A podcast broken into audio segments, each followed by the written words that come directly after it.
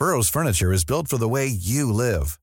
From ensuring easy assembly and disassembly to honoring highly requested new colors for their award-winning seating, they always have their customers in mind. Their modular seating is made out of durable materials to last and grow with you. And with Burrow, you always get fast, free shipping. Get up to 60% off during Burrow's Memorial Day sale at burrow.com slash ACAST. That's burrow.com slash ACAST. burrow.com slash ACAST. This Mother's Day, celebrate the extraordinary women in your life with a heartfelt gift from Blue Nile. Whether it's for your mom, a mother figure, or yourself as a mom, find that perfect piece to express your love and appreciation. Explore Blue Nile's exquisite pearls and mesmerizing gemstones that she's sure to love. Enjoy fast shipping options like guaranteed free shipping and returns. Make this Mother's Day unforgettable with a piece from Blue Nile. Right now, get up to 50% off at BlueNile.com. That's BlueNile.com. Hey, Dave. Yeah, Randy. Since we founded Bombus, we've always said our socks, underwear, and t shirts are super soft. Any new ideas? Maybe sublimely soft. Or disgustingly cozy? Wait, what? I got it. Bombus. Absurdly comfortable essentials for yourself And for those facing homelessness. because one purchased equals one donated. Wow, did we just write an ad? Yes. Bombas. Big comfort for everyone. Go to bombas.com slash ACAST and use code ACAST for 20% off your first purchase.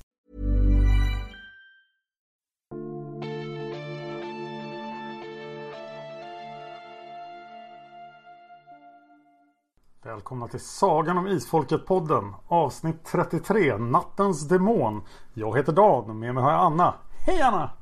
Hej Dan! Hej! Dan! Dan, vet du vad? Nej, Du är kändis! va? Ja! Jag kan inte spela längre Nej, det kan du inte. Särskilt inte när jag får prata med dig om det här. Det är jättefräckt. Berätta för våra lyssnare vad som har hänt. Jag startar en ny podcast som heter Fan of Astronomy Som handlar om astronomi på engelska Det var det du menade, eller hur? Nej. Nej, okej Vad menar du då? Jag menade, du pratade ju här i podden för några gånger sedan om att du hade startat en seriemördarpodd. Ja, det stämmer Ja, och det var ju coolt och så här, och vi skulle göra ett blandavsnitt. Men sen hände det ju någonting. Ja, i, i fredags så märkte jag på servern som min YouTube-partner Aniva har i Seattle att eh, det gick väldigt fort upp för för seriemördarpodden. Så tänkte jag det här måste jag ha fel. Så här mycket folk kan inte lyssna på den här. För det gick från kanske 300 pers till 6000. Så tänkte jag, ja vad konstigt. Eh, Men det var inget fel på någon av de andra poddarna. Utan de visar sina vanliga siffror och så jag, vad är det som händer? Så kollade jag på det under dagen så fick jag plötsligt meddelande på seriemördarpodden som sa Grattis Dan! Så var det ett eh, screenshot där jag låg tvåa på iTunes. Så tänkte jag det här, kan, inte- Oj! det här kan ju inte stämma. Jag låg tvåa på svenska iTunes före liksom ja, Filip och Fredrik och P3 Dokumentär och alla, alla bra poddar. Liksom. Så gick jag in och kollade själv och då låg jag etta och där har jag legat sedan dess. Eh, idag är det onsdag. Så att jag har regerat i sex dagar och min andra podd Palmemordet har klättrat upp på grund av det här till 21 plats. Eh, Så nu väntar jag. Isfolket ligger ganska högt på litteraturlistan och Fan of History har tagit sig in på ja, Education-listan kanske. Ah! Så nu är det bara Game of Thrones som vi väntar på då, min nya astronomipodd. Och jag tycker ju det här är helt fantastiskt. För för er lyssnare som inte förstår hur stort det är så är Seriemördarpodden dels en väldigt nystartad podd. Hur många avsnitt har du gjort Dan? Ja, i fredags var det precis en månad sedan jag startade den. Så att då fanns det fem avsnitt ute. Ett avsnitt där jag berättade varför jag ville prata om seriemördare. Tre avsnitt om Karl Pansram och ett avsnitt om en Servant Girl Annihilator. Som sagt, det är ju rätt få avsnitt och att en sån här podd ändå skjuter sig upp till första platsen och som du säger över poddar som P3-podden och Filip och Fredrik. Det är helt fantastiskt. Det är väldigt sällan det händer. Ja, det, det är helt... eh, ja, jag vet inte vad jag ska säga. Det är en dröm som slår in. Men det var verkligen inte den podden som jag trodde skulle göra det. För den började som ett litet sidoprojekt i Palmemordet. Jag tänkte, nu har jag nu har jag strömlinjeformat det här efter 42 avsnitt. Nu kan jag använda samma produktionsmetod. Det vill säga jag sitter helt själv och eh, ja, pratar för mig själv. Och det, är- det är inte alls lika roligt som det här. Här är ju två röster. Här är ju ja, Margit Sandemos fantastiska böcker då. Men när jag sitter för mig själv och mumlar om seriemördare var är det tydligen jättepopulärt. Men det kanske är det att du, liksom den här podden fyller någon slags hål bland poddar. Ja, jag måste ha hittat fullständigt rätt och tajmat det helt rätt. Jag önskar jag visste vad jag gjorde. Vad, vad kände du när du såg att du låg etta på eh, iTunes, eh, svenska iTunes? Jag var ju tvungen att dubbelkolla flera gånger och kolla vad, vad är det här?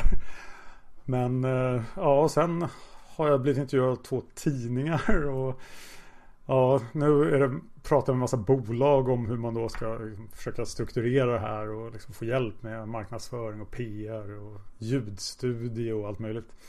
Så ja, wow. Och jag såg ju att Palmemordet gick bra. Palmemordet har ju varit på den här listan förut. Så att jag tänkte väl att här, oj, det här kanske kan hända för Palmemordet. Men det hände för Palmemordets lilla sidoprojekt. Och det är ju så fantastiskt. Och att sådana saker kan ske så oväntat. Ja, verkligen. Det är internet. Det bara pjong! Händer saker. Ja. Och jag tycker det är så kul. Jag var ju på möte när jag såg att du började posta den här på Facebook och jag bara så här, jaha en topplisten bara, det är svenska iTunes det här rör. Det är jättestort. Ja, otroligt roligt. Och det hade nog inte gått att göra utan dig alls. För att ja. det var ju den här podden som, som vi bestämde oss för att göra som en kul grej. Bara för att du ville podda och jag ville podda. som var den första podden jag gjorde på svenska. Och det var då jag insåg att eh, det är lättare att podda på svenska. Ja men det är ju det. Man har ju ett annat språkbruk. Man kan vara närmare sina lyssnare. Och jag tror ju att vi många gånger underskattar den svenska poddpubliken eftersom vi tror att vi har lättare att slå internationellt. Jag, jag, märker också att jag känner mig som en utlänning när jag kommit in i den här poddvärlden. För att jag kommer från amerikanska Magic och historiepoddar. Och eh, så det finns en helt annan kultur bland poddar och bland poddlyssnare i USA. Så att det här att jag använder Patreon till exempel för att få sponsorer och så här. Folk blir jätteupprörda i Sverige. Tycker så ah, vad är det här? Svart magi? Så, ah, du tänker ta våra pengar. Typ. Men det är bara ett sätt för folk att sponsra innehåll de tycker om på nätet. Ja men precis och sen också det här, vi, om vi tittar på våran podd, den här Isfolkspodden, den gör ju vi för att vi tycker om att prata med varandra, vi älskar eh, Isfolksböckerna och som du säger, både du och jag vill ju podda. Men vi lägger ju ner otroligt mycket tid på den här podden och du har, hur många poddar är det nu igång? Ja, det är ju faktiskt åtta nu, men två har inte haft sitt första avsnitt än, så de får inte räknas. Så Fan of Astronomy är nummer sex. Och du gör ju det på heltid ändå, men det är någonting som tar väldigt mycket tid och energi och jag tycker då att om man då som du säger liksom använder sig av Patreon för att liksom säga om ni tycker om den här podden så kan ni sponsra. Det är ju inte ett fel tycker jag. Men jag tror att i svenskars ögon så tror jag det är skandal eftersom vi lider under jantelagen. Ja, nu, jag har ett antal YouTube-kanaler också. Och nu har jag börjat använda min personliga YouTube-kanal som heter Dan Hörning. För oh. just göra videor om, om poddande och liksom det här livet. Och hjälpa andra. Jag lyckas faktiskt redan idag göra en video som fick en tjej att starta en YouTube-kanal. Hurra, jättebra! Ja, men jag tror att det är ganska mycket fällor man kan gå i. Nu har jag hållit på med det här i fyra år från och till. Eller inte från och till, jag har hållit på med det i fyra år. Väldigt mycket. Men inte på heltid. Så att jag tror att jag har lite erfarenhet av det. Så kolla in YouTube-kanalen Dan Hörning. Och vi ska också till att länka ut just den där videon du pratade om på vår Facebook-sida sedan så att alla kan dra nytta av den. Och det kommer mer där. Jag blev faktiskt lurad av Mittmedia att göra en liten podd, en liten video till dem om hur man poddar och så här. Men jag ska spinna vidare på det. Ja, de bara filmade mig och snodde den liksom. Jag hann, hann inte fatta vad som hände. Det var lite fult av dem. Inget ont om mitt media. ja, men det är inte därför vi är här idag utan vi är här idag på grund av Nattens Demon. Hurra! Ja! För den här boken har ju vi sett fram emot så mycket. Herregud. Ja, och inte bara vi. Det är som sagt mångas favoritbok. Den här kärlekshistorien mellan Tamlin och Vanja. Mm den är ju helt fantastisk. Jag minns när jag läste att jag bara blev indragen i den och bara kände att jag hade tusen känslor. Det här var liksom det ultimata kärlekshistorien. Och så läste jag om den nu och det var väl lite annat mottagande, eh, eller så här, andra känslor jag hade runt den. Men den är for, men som sagt, efter Hunger, som var misär, mansplaining och fan och hans moster, så, så har vi sett fram emot den här så mycket. Så ska vi börja? Ja, det är väl lika bra att börja. Mm, och vart börjar vi någonstans? Börjar väl på Lindalen. Ja, vi får igen den här eh, insikten om att det är den moderna tiden. Det är Det är mycket moderna hus som växer upp. Vi ser liksom Lindalen, men vi ser den inte genom författarens utan vi ser den genom en demons ögon. Ja, lille Tamlin. Nej. Nej. Oh, Lilith menar jag. Ja. jag. Jag är fullständigt normal. Det är ju Lilith som ska plantera sitt ägg. Precis, och varför ska hon göra det? Jo, jag skulle vilja rekonstruera allting Tengel den onde hade för sig när han sprang omkring på jorden. Men eh, han har ju tydligen då förslavat nattdemonerna sedan 1200-talet. Mm. Och nu, nu får de ett uppdrag av honom till slut. Precis, att de ska plantera in en spion på Lindalen.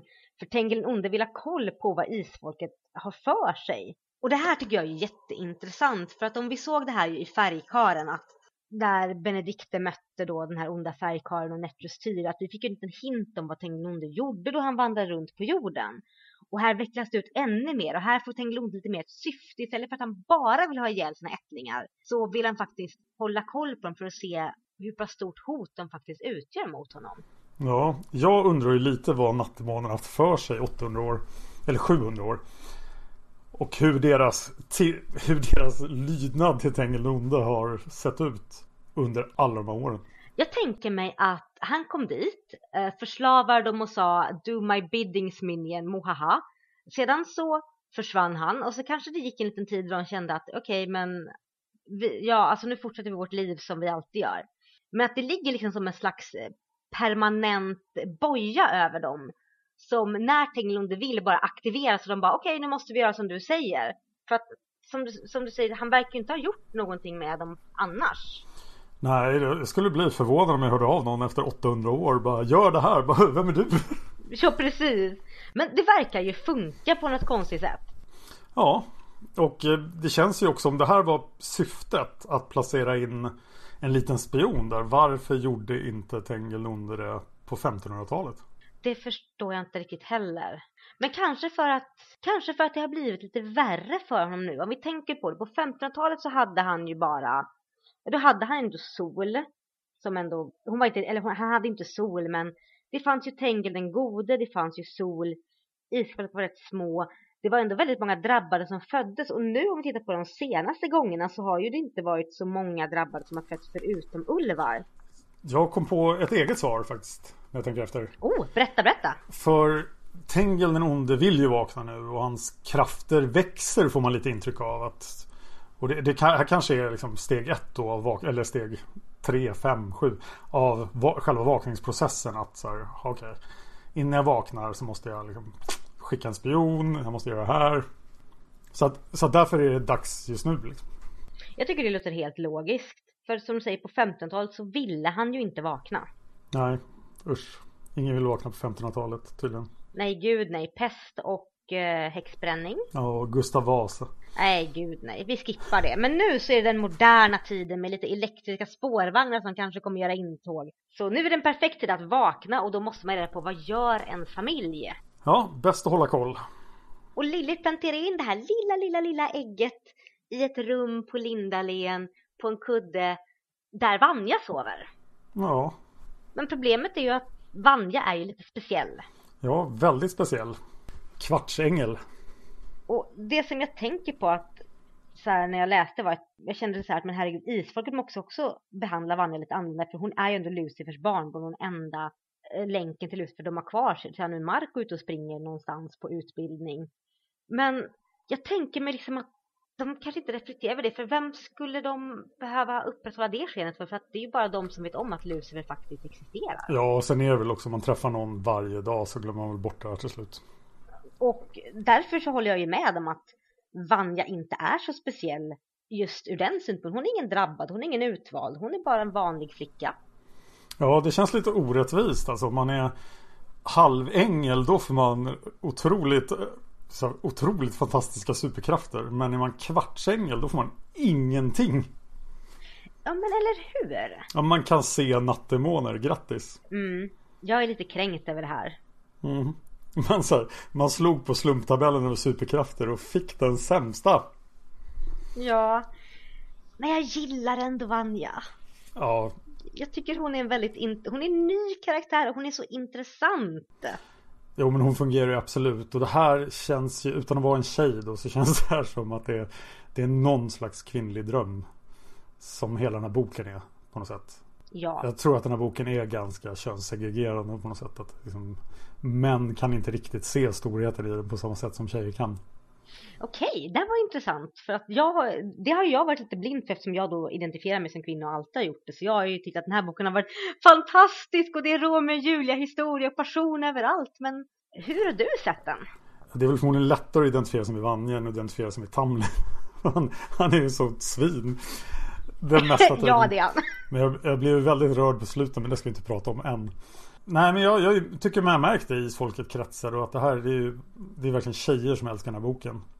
Och eh, min egen fru valde ju Vanja på Isfolksforumet då. Som finns på isfolket.se. Klicka på forum, gå med där. Och eh, kommentera böckerna med oss. Woo! Eller bli så här Eller var i 2016 och gör det på Facebook. På Sagan om Isfolket på den grupp. Det kan man göra också, men då är risken så att vi missar det. Ja, forumet har vi koll på. 11 år going strong. Och det kommer bli 11 år till.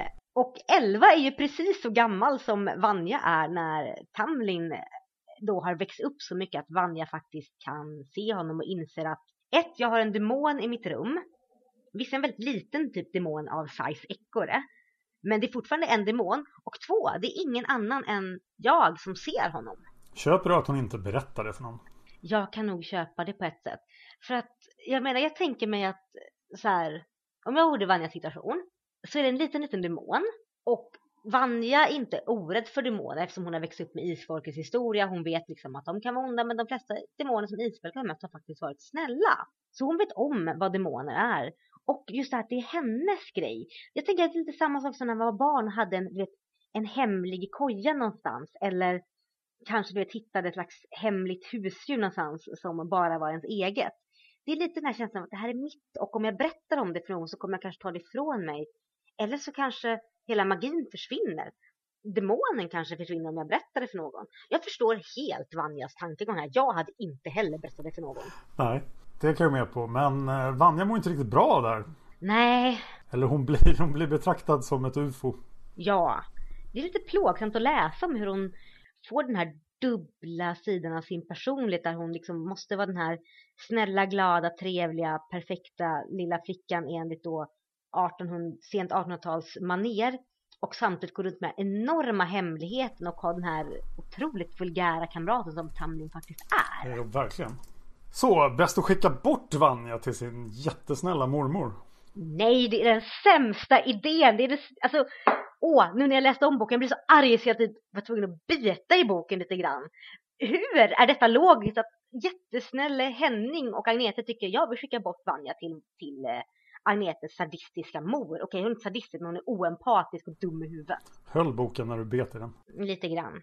Jag bet väldigt försiktigt i den för jag tycker fortfarande väldigt mycket om den. Ja, det här känns ju inte som Henning riktigt. Nej. Men jag tycker inte Henning känns som Henning i den här boken. Vi får bara berättat för oss att han är snäll och sådär. Men han gör liksom inte så mycket i hela boken. Nej. Det är väl det största plotthålet för mig här att jag, jag, tycker om den här boken väldigt mycket, det ska jag säga till en början, men det är väldigt mycket berättande. Det är väldigt mycket författarröst genom hela boken och det märks när de pratar om andra karaktärer än just Vanja och Tamlin. Ja, å andra sidan så sa hon ju nästan det i slutet av förra boken och nu blir det verkligen Vanja. Men jag känner att det hade kunnat, hade man kunnat undvika den här allvetande berättarrösten som jag upplever är närvarande på nästan varenda sida. Ja, och i, i underliga parenteser. Ja. Och så här, konstiga uttryck och saker. Ja, det, det funkar liksom inte. Nu, nu vill jag också klargöra då eftersom jag har varit så negativ två böcker i rad att jag tycker den här boken är jättebra. Det här är, mm. det här är definitivt en ljuspunkt i 30-talet. Ja, jag är helt med på den här. Men just därför önskar jag kanske att den här allvetande berättarrösten kanske hade fått vara mycket Vanjas tankar så jag att känna henne lite bättre. För jag älskar Vanja, hon är en av mina favoritkaraktärer i hela sagan. Mm. Men just att författarrösten kommer in och kommer med så här, som säger, konstiga kommentarer och uttryck gör att jag tappar ibland Vanja och så får jag fånga upp henne igen. Och sen så tappar jag henne igen. Så hon flyr liksom undan. Och visst, det är hennes karaktär. Hon är undanflyende men för mig som läsare blir det inte påfrestande. Hon är ju undanflyende på fel sätt. Alltså, det, det är inte hon som flyr undan, det är författaren som ställer sig i vägen. Ja, och det hade inte behövts för den här boken är så fantastisk och den hade kunnat bli ännu bättre om vi bara hade sluppit författarrösten. Jag måste påpeka också att det inte bara är min fru utan det här är ju en av de karaktärerna som går först om man ska tillsätta roller i en förening. Ja. Eller liknande så ja, Vanja taget. Mm, den rollen går snabbt. Men hon är en väldigt relaterbar karaktär tycker jag. Ja visst är hon det. Eh, men hon är hos mormor, det är inte jättekul. Allting är pest. Och Viljar dör! Ja, och här känner jag också, vad fan håller isfolket på med? Ursäkta nu svor jag, jag ber om ursäkt. Men Viljar dör, Vanja får inte ens resa hem och ingen i isfolket tycker det här är något konstigt. Nej, det är ju jättemärkligt. Ja, isfolket med sin jättestarka känsla av sammanhållning tycker bara, nej men okej, men Vanja eh, får inte komma hem till farfar Viljars begravning för sin mormor, men det är okej. Ja, det dog Viljar. Viljar måste ha dött i förra boken också. Ah, ja. Det, det är lite märkligt, han lyckas dö två gånger då. Ja, nej men, vi, nej men det nej, det nämndes aldrig att han dog i förra boken. Han var bara inte där. Han var bara inte där, för då hade det redan hänt. Och Belinda dör också men senare. Ja. Eller dör hon ens i den här boken? Lever hon? Belinda dör. Ja hon dör. Mm. Ja, hon, hon bara liksom sjönk undan. Precis, jag tror att den enda som nämndes att dog i förra boken ordentligt var just Magdalena Backman. Okej. Okay. Men det här, här tycker jag isfolket brister jättemycket för mig för det är inte logiskt att du lämnar en att du lämnar en flicka ensam hos sin mormor när hon dessutom skriver att hon är olycklig och vill hem och de bara accepterar det med argumentet det är för hennes eget bästa. Hade Vanja varit en vanlig tonåring hade hon blivit djupt traumatiserad och hatat sin familj av det här. Ja, det är verkligen. Det skulle kunna funka en annan bok. Men just när vi har fått itutat i oss hela tiden hur stark sammanhållningen i isfolket är. Och, och så är det så här helt plötsligt bara för att det passar berättelsen. Ja, och jag får en liten sån här eh, flashback till eh, bok eh, 30 du minns när Henning stod med eh, nyfödda Mark och Ulvar och hans mormor kom in och ville skilja på barnen och han sa nej men det här går inte. Och nu så vill han ju skiljas från då sin egen styvdotter för att, av samma argument. Ja, det är jättekonstigt. Eller hur? Men sen händer det någonting mer hemma hos mormor. Eller när Vanja är hos mormor.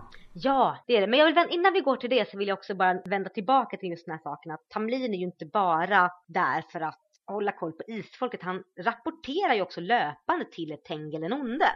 Just det. I dalen till och med. Ja, en sak som lyfts fram här också att han åker till Nattemånen också och rapporterar då. Och här är ju väldigt tydligt att Nattemånarna vet vem den här osynliga är. För det nämner Tengelund att det är en av isfolk han inte får grepp om. Som döljer sig. Och vi som läsare vet att det här är Marco. Det vet vi. Det verkar som att en Nattemån vet om det. Det var mitt intryck jag fick. Ja, det är sant. Men att Lilith inte vet om det. Nej. Och jag, jag hade problem med hela den här boken så fort Lilith var med. För att jag kunde bara tänka på True Blood. Om ni har sett den. Nej, sluta, jag vill inte! med, med Billith. jag såg bara Vampire Bill framför mig hela tiden Lilith var med. Nu sabbar du det här för mig också. Jag hade inte förlåt, dragit den förlåt. parallellen. Fy. Förlåt. Jag ber så mycket om ursäkt. Ja, jättekränkt. Oj, sorry. Men okej, okay, vi vänder tillbaka. Nattemona vet om det här, allting är bra. Och det här stora plottgrejen som kommer in här. Då när, vi, när Vanja är hos sin mormor. Vad är det som händer? Ja, hon är ju olycklig så hon börjar smita ut på morgonen och det kan man förstå. Hon går promenad, hon träffar på en gravid flicka som försöker begå självmord. Ja. Det är lite oväntat. Verkligt oväntat. Mm. Det här är ett av de på ett sätt mest rörande och fina ögonblicken i boken som inte har med Vanja och Tamlin att göra. För det är så, det är så skört skrivet. Jag känner verkligen med den här Petra då, den här gravida flickan som bara är så desperat. Och sen när Vanja ändå lyckats rädda henne från att drunkna så tar hon livet av sig ändå. Ja, otacksamt. Lite så. Och, det här, och sen så kommer det här ögonblicket som jag var tvungen att läsa om flera gånger för det är så äckligt men samtidigt så bra. Det är när Vanja då försöker rädda fostret i Petras mage och gör någon slags eh, kejsarsnitt. Ja, väldigt rådigt. Ja, väldigt rådigt. Vanja är väldigt bra. Men när hon inser då också där att det här barnet ser ut som en drabbad. Det är ju lite konstigt. Det är jättekonstigt. Speciellt med tanke på vad som sägs på de sista sidorna i boken. Mhm, det gör det definitivt. Och man kan ju anta att det här inte var någon slumpmässig grej som bara hände för att fostra Vanjas karaktär. Utan det här har ju någonting med någonting att göra. Det här har någonting rejält med någonting annat att göra. Men det är otroligt snyggt skrivet. För sedan så går ju, så går ju berättelsen vidare. Ja, det är verkligen bara en incident. Och incidenten som också syftar till att relationen mellan Vanja och mormodern blir lite bättre för Vanja har ändå gjort ett hjältedåd som blir omskrivet i tidningarna. Hon försökt rädda flickan. Sådär, men, så det, det leder till någonting gott men vi, vi får inte veta så mycket mer om det. Nej, men man kan ju smygtitta på vad kommande böcker heter. Så, så kan man ana Mm. lite. Ja, men det gör vi inte. Nej, det gör vi inte. Men Tamlin kommer ju tillbaka och börjar spöka i Vanjas drömmar för han kan ju inte följa efter henne till mormodern. Han är ju platsbunden på Lindalen att vara där och hålla koll på de andra ättlingarna på ett sätt. Just det. Och igen, alltså, alltså nu har Van, Vanja ju sin mormor i två år. Det är ju jättegrymt. De kommer inte ens att hälsa på, eller hur? Nej, de skiter i henne i princip och bara så här. Och mormodern bara, ja hon är, sköter sig inte. Men Vanja skriver ju regelbundet till dem att hon mår dåligt, hon vill komma hem, hon är olycklig. Men de tycker att, ja vi får ju nog lyssna på mormor som säger att hon inte sköter sig så väl. Så då får man inte komma hem. Nej, och inte får man besök heller. Vad är detta? Och en sak om Agnete och Henning kanske känner att okej, vi kanske inte vet om hur våran dotter ska vara så vi kanske lämnar andra. Men att inte ens Benedikte åker och hälsar på henne.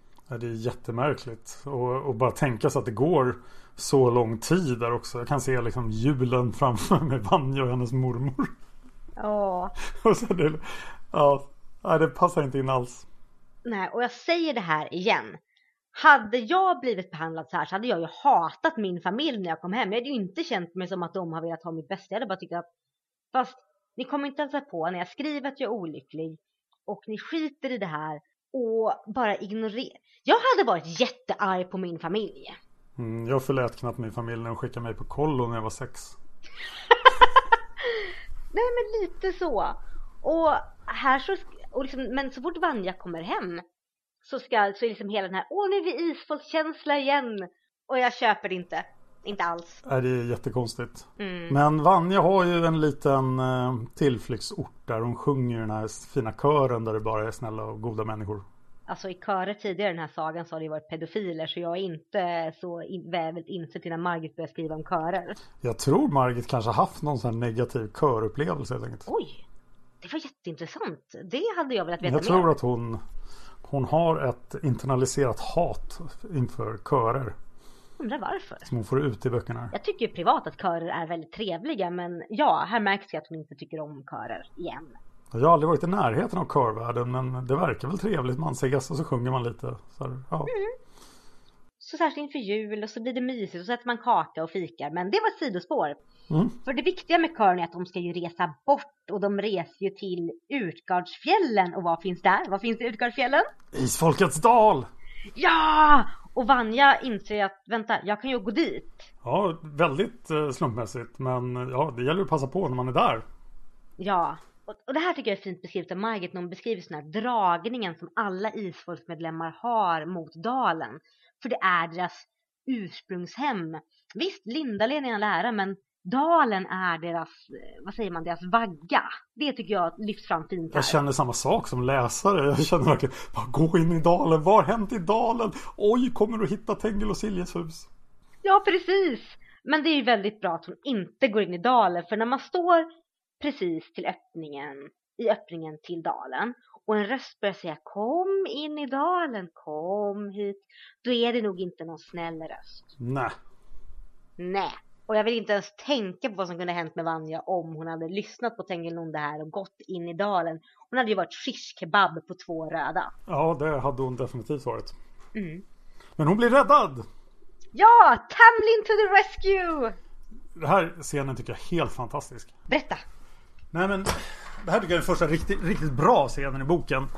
Att de får se varandra igen när de har byggt upp allt det här mellan sig. Och här kommer han och räddar henne och visar då att han inte är helt genomrutten. Nej, för de har ju bara kunnat se varandra i drömmarna men här bryr han sig ju om henne. Mm. Det, det finns någonting där. Det är jättefint. Och så hela den här historien om björnen tyckte jag var ganska rolig.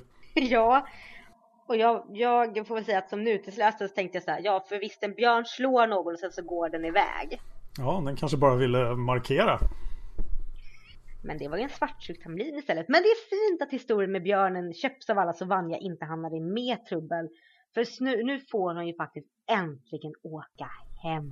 Till slut. Ja, och det tackar vi gudarna för. Eller ja, vilka det nu än är som råder över det här. Ja, Marco förmodligen. Just det, ett sidospår. Ja, Just med Isfolkets dal. berätta. Jag hade inte greppat att göken hade smält bort. Att ingång till Isfolkets dal numera är helt isfri. Nej, det var intressant. Och jag för mig att den processen var påbörjad förut. Mm. Så det visar ju väldigt tydligt hur lång tid som har gått. Och det är väldigt, väldigt lång tid. Det är över 300 år sedan Tengel och Silje flydde från dalen. Det är det. Men vad jag minns var just när Ingrid och Ulvhedin och eh, Dan var i dalen. Mm. Så hade ju tunneln, den hade ju börjat växa, i, den hade liksom börjat fyllas igen. Det var ju inte liksom hög som den var när den underhölls. Men att göken smälte bort helt och hållet, det är, alltså här är ju en slags illasinnad global warming som Margit förutspår på rejält. Visst, 300 år är lång tid. Men att en gökel smälter bort, det är någonting som är fel på riktigt. Ja, temperatur varierar ju rätt kraftigt över århundraden och sådär. Men jag har inte kollat på temperaturkartor över Norge från 1500 till 1800-talet. Fast nu när du säger det, eh, historieätarna, Ja, deras avsnitt om 1500-talet som tar upp, de tar ju upp att det var väldigt mycket kallare i Sverige. Det var ungefär minus 14 grader någonstans på eh, april-maj och att det var klassat som hyfsat varmt väder. hjälp. Ja, nu, nu, nu, nu killgissar jag lite grann på vad jag minns, men den väderkartan de hade upp så såg det ut ungefär så. Men om det stämmer så borde det vara kallare i Norge, vilket innebär att om det har blivit varmare sen dess så är det inte så konstigt att göken i sig smälter. Nej, jag, jag tycker ändå det ligger inom rimligheternas gräns att det är en naturlig förändring. Att det inte är någon, någonting, alltså det är för tidigt för miljöförstöring. Så att, Mm. eller det kanske inte är sig. Det kanske gjordes rätt mycket skada under industrialiseringen. kan tänka mig det faktiskt. Men jag får lite ont i hjärtat just för att det blir så tydligt här, det har gått så lång tid även för Isfolkets dal. Den är helt ändrad. Ja, det är den. Och det gör mig ledsen. Vi kommer nog tillbaka dit igen. Jag hoppas det. Men Vanja får åka hem, det är jättebra. Men Tamlin har ju handlat jättemycket onåd. Och varför har han gjort det? Han gör ju inte sitt jobb. Du hade ett jobb Tamlin och du gjorde det inte. Ja, håll koll på Isfolksättlingarna. Lyd Tengil den onde. Och vad gör han? Han håller inte koll på Vanja jättebra. Och han lyder inte Tengil den onde. Nej, dåligt Tamlin. Det är viktigt att göra sitt jobb bra. Han gör ju inte sitt jobb bra så han blir utstött och allting är misär. Och sen så säger han ju också att han har dödat Vanja och det har han ju inte gjort. Varför ljuger han om det? För att skydda henne får man intryck av. Ja, och det är så fint på ett sätt. Men tolka mig rätt, det som är fina är att Tamlins förvandling då från det här demoniska som hatar allt till att han faktiskt börjar visa lite känslor. Ja, det hade ju kunnat bli så dåligt men jag tycker att det är jättebra. Jag tycker det med, jag tycker det är, det är jättebra. Är det dags för uh, könsligt umgänge? Det är dags för könsligt unge, jag tror inte vi kommer undan det längre. Det här var nog det jag kommer ihåg allra mest från boken. Svansex som sagt och uh, ja maratonsex I flera månader. överallt så fort de fick chansen. Och det är så intressant för så när folk eh, då liksom hört att jag läser isfolket så bara så här, åh men det är alltid en massa snusk i böckerna. Jag brukar vara så här, nej men det är inte så mycket snusk. Och så börjar jag tänka igenom böckerna i huvudet, jag bara trollbunden, inte så jättemycket. Eh, onda arvet, absolut inte. Alltså man går igenom böckerna och så kommer man till nattens demon och man bara, wow! Det är så mycket sex i den här boken. Men det är inte farligt mycket sex om man till exempel jämför med så här, andra böcker. Nej, och jag kommer verkligen ihåg, jag kommer ihåg många böcker som att de innehöll mycket sex och jag har verkligen blivit besviken på vägen men här blir man inte besviken. Nej, här känns det verkligen som att det är det på något sätt så görs, vad säger man? Det kompenseras för många sexscener vi inte fått se som vi hade velat se. Det kompenseras för det där lilla vi anade med Tula och de fyra demonerna. Och det här är ju som du säger, det här är ju skrivet för kvinnliga läsare väldigt mycket så det här är ju någon slags fantasi, att man har en hemlig älskare som kommer in på natten som är så mycket mer än en människa. Eller på dagen. Eller, Eller på dagen, i sängen, i garderoben, mot ett vägg. Lite grann när som helst. Jag kunde inte låta bli att tänka på om de hade blivit påkomna och ingen kan se Tamlin. Då hade ju Vanja, Vanja blivit inspärrad. Jag hade tänkt på det, och gud vad awkward! Hon står upptryckt mot väggen och byxorna neddragna och, och stönar. Och de bara okej, Va, eh, vad händer här? vad gör du? Men eh, turligt nog så händer inte det. Nej, och jag hade inte tänkt på det. Åh vad jobbigt det hade blivit. Hon hade ju blivit inspärrad. Det hade varit någonting för Agneta att upptäcka. Eller för mormodern. Oh. Oj. Men jag tycker ju om den här, även fast det bara är att de har sex hela tiden och de inte pratar känslor så är ju det här, det här är ju Isfolkets Romeo och Julia historia. Visst, Heike och Vinga är all ära men där var det ju mer att Heike var såhär, nej nej vi kan inte ha sex för det passar sig inte. Här är det ju båda bara, ja vi vill ha varandra, vi vill ligga. Men de kommer ju aldrig kunna vara tillsammans. Nej, men de, eh, ja, de gör ett ganska bra jobb av den tid de har. Oh ja, och här kommer det igen att Tamlin har ett jobb. Mm, döda Vanja. Så han, jag dödar henne sen, men det är så himla kul att ligga med henne. Precis, och jag ska ju rapportera in till eh, nattemånerna. Det ska jag göra regelbundet. Oj, nu har det gått typ massa månader, jag har inte varit där. Ja, man gör ju det lite grann där med någon, så här, med någon annan nattemån. Typ. Kan inte du åka och rapportera lite? Bara, okej. Ja, men nu så har han verkligen missat det, så nästa gång han kommer så blir han ju inspärrad. Ja, nu är det dags. När man sviker sin plikt så måste man ha sitt straff. Mm. Och vad blir straffet? Inspärrad i uh, Djupaste... konstiga djupet av troll, med trollkedjor som ingen kan öppna. Undrar vart de fick de trollkedjorna ifrån? Ja, det, det ligger en liten hög med trollkedjor hemma hos nattemånen. Ja, men hur låser man dem? Eller hur säger man att nu ska det låsas? Eller är det typ... Ja, men jag tänker att de råkar bära dem och råkar låsa sig runt det. Man bara, fasen också, jag skulle bara flytta dem från hylla A till hylla B. Det här gick ju inte bra. Det står ingen kan öppna dem. Bara, nej. Åh, typiskt. Varför händer det alltid mig? Precis. Bara, jaha, då får jag väl gå med de här kedjorna runt mig då hela evigheten. Det måste ju ha hänt någon gång. Och där sitter han och sen får eh, Vanja göra sin bästa Bella impression som den här saknande. Nu får du sluta förstöra den här boken. Du drar inte in Twilight i det här. I kid you not. I will go. I will go svart ängel all over you. Okej, okay. förlåt jag sa ingenting. Nu får du fortsätta.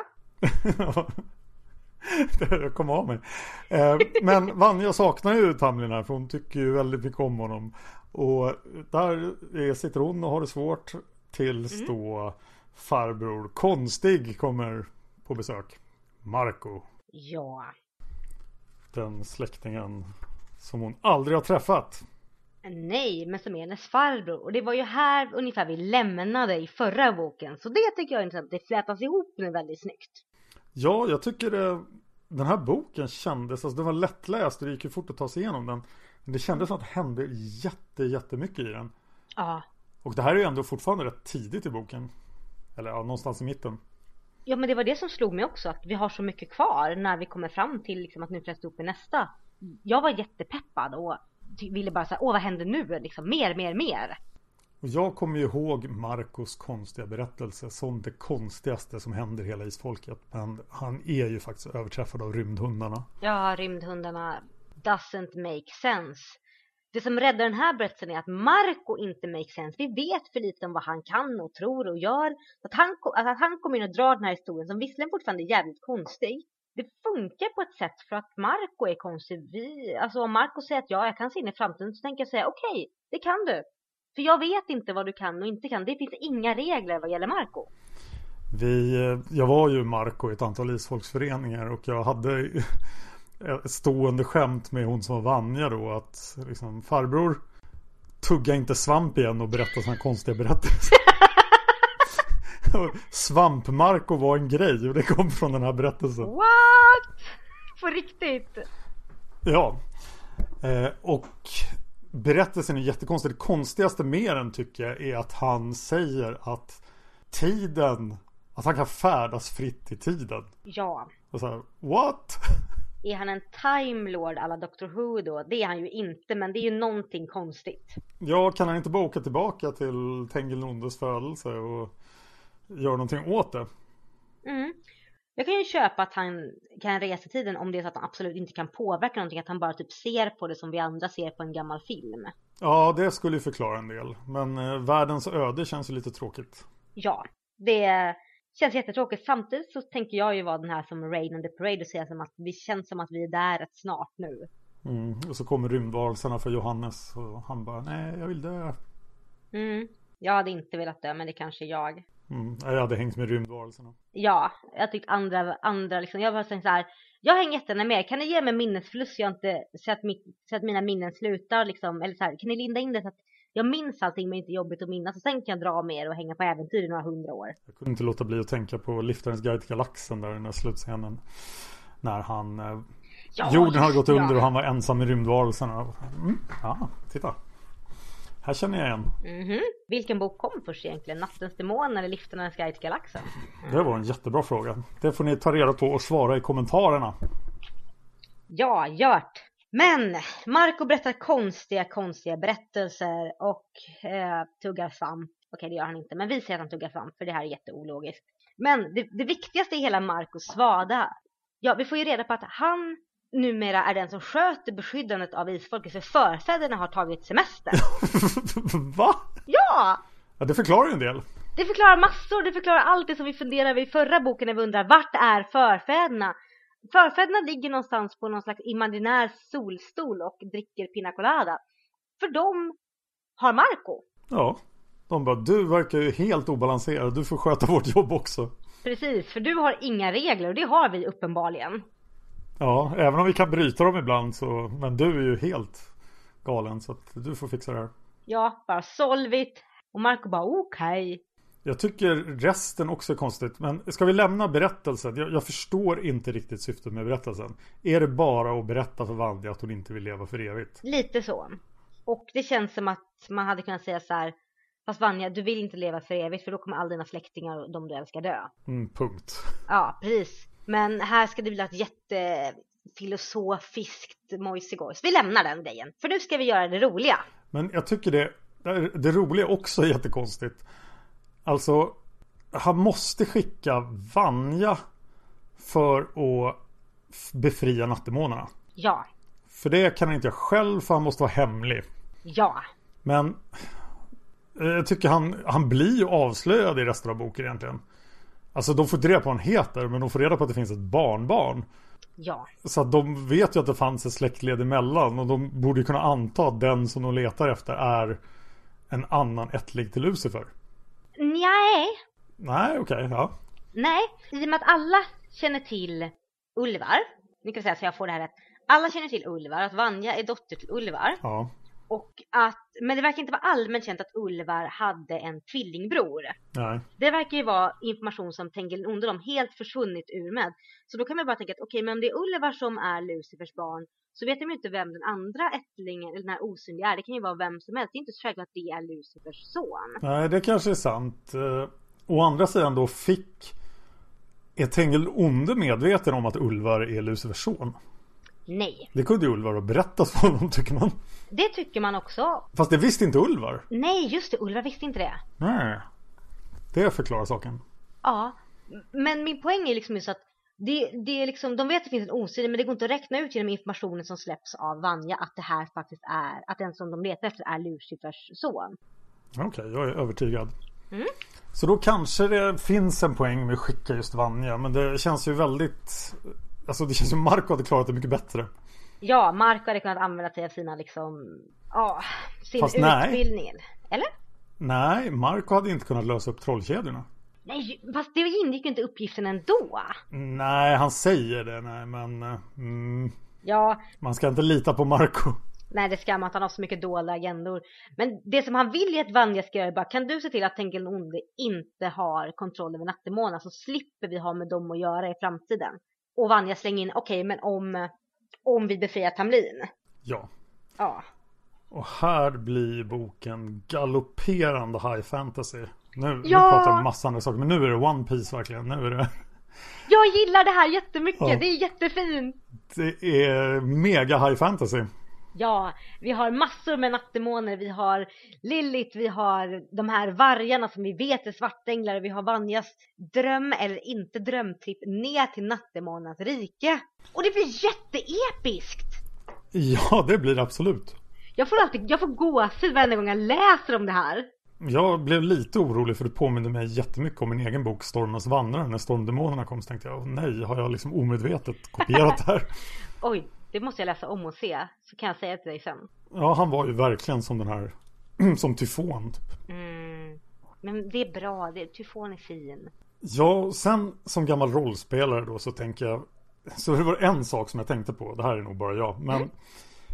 någon nattemon, är det Tamlin som säger det just, säger ju att Tulas demoner ja. var eh, så här, patraskdemoner. Ja, svaga demoner, usch. Ja, att nattdemoner är mycket läskigare än dem. Mm.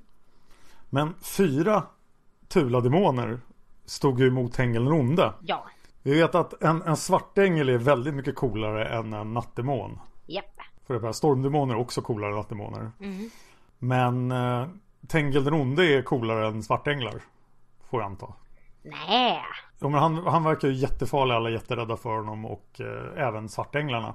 Mm, det är sant, men jag tänker att Tulas fyra demoner kunde ju stå emot Tengel för att han blev överraskad av dem.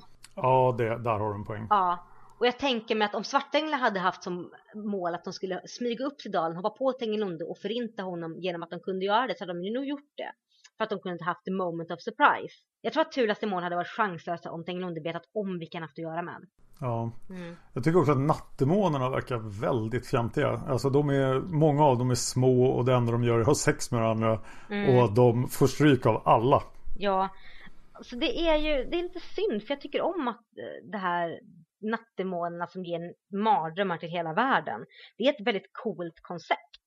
Ja, det är ju jättekult. Ja, men som säger, de blir lite fåniga. Det enda som räddar upp det är de här äldre demonerna som ändå verkar ha eh, liksom visdom och lite grann bakom pannbenet. Också Lilith, för jag tycker om Lilith. Men det är för att det är liksom, hon är cool.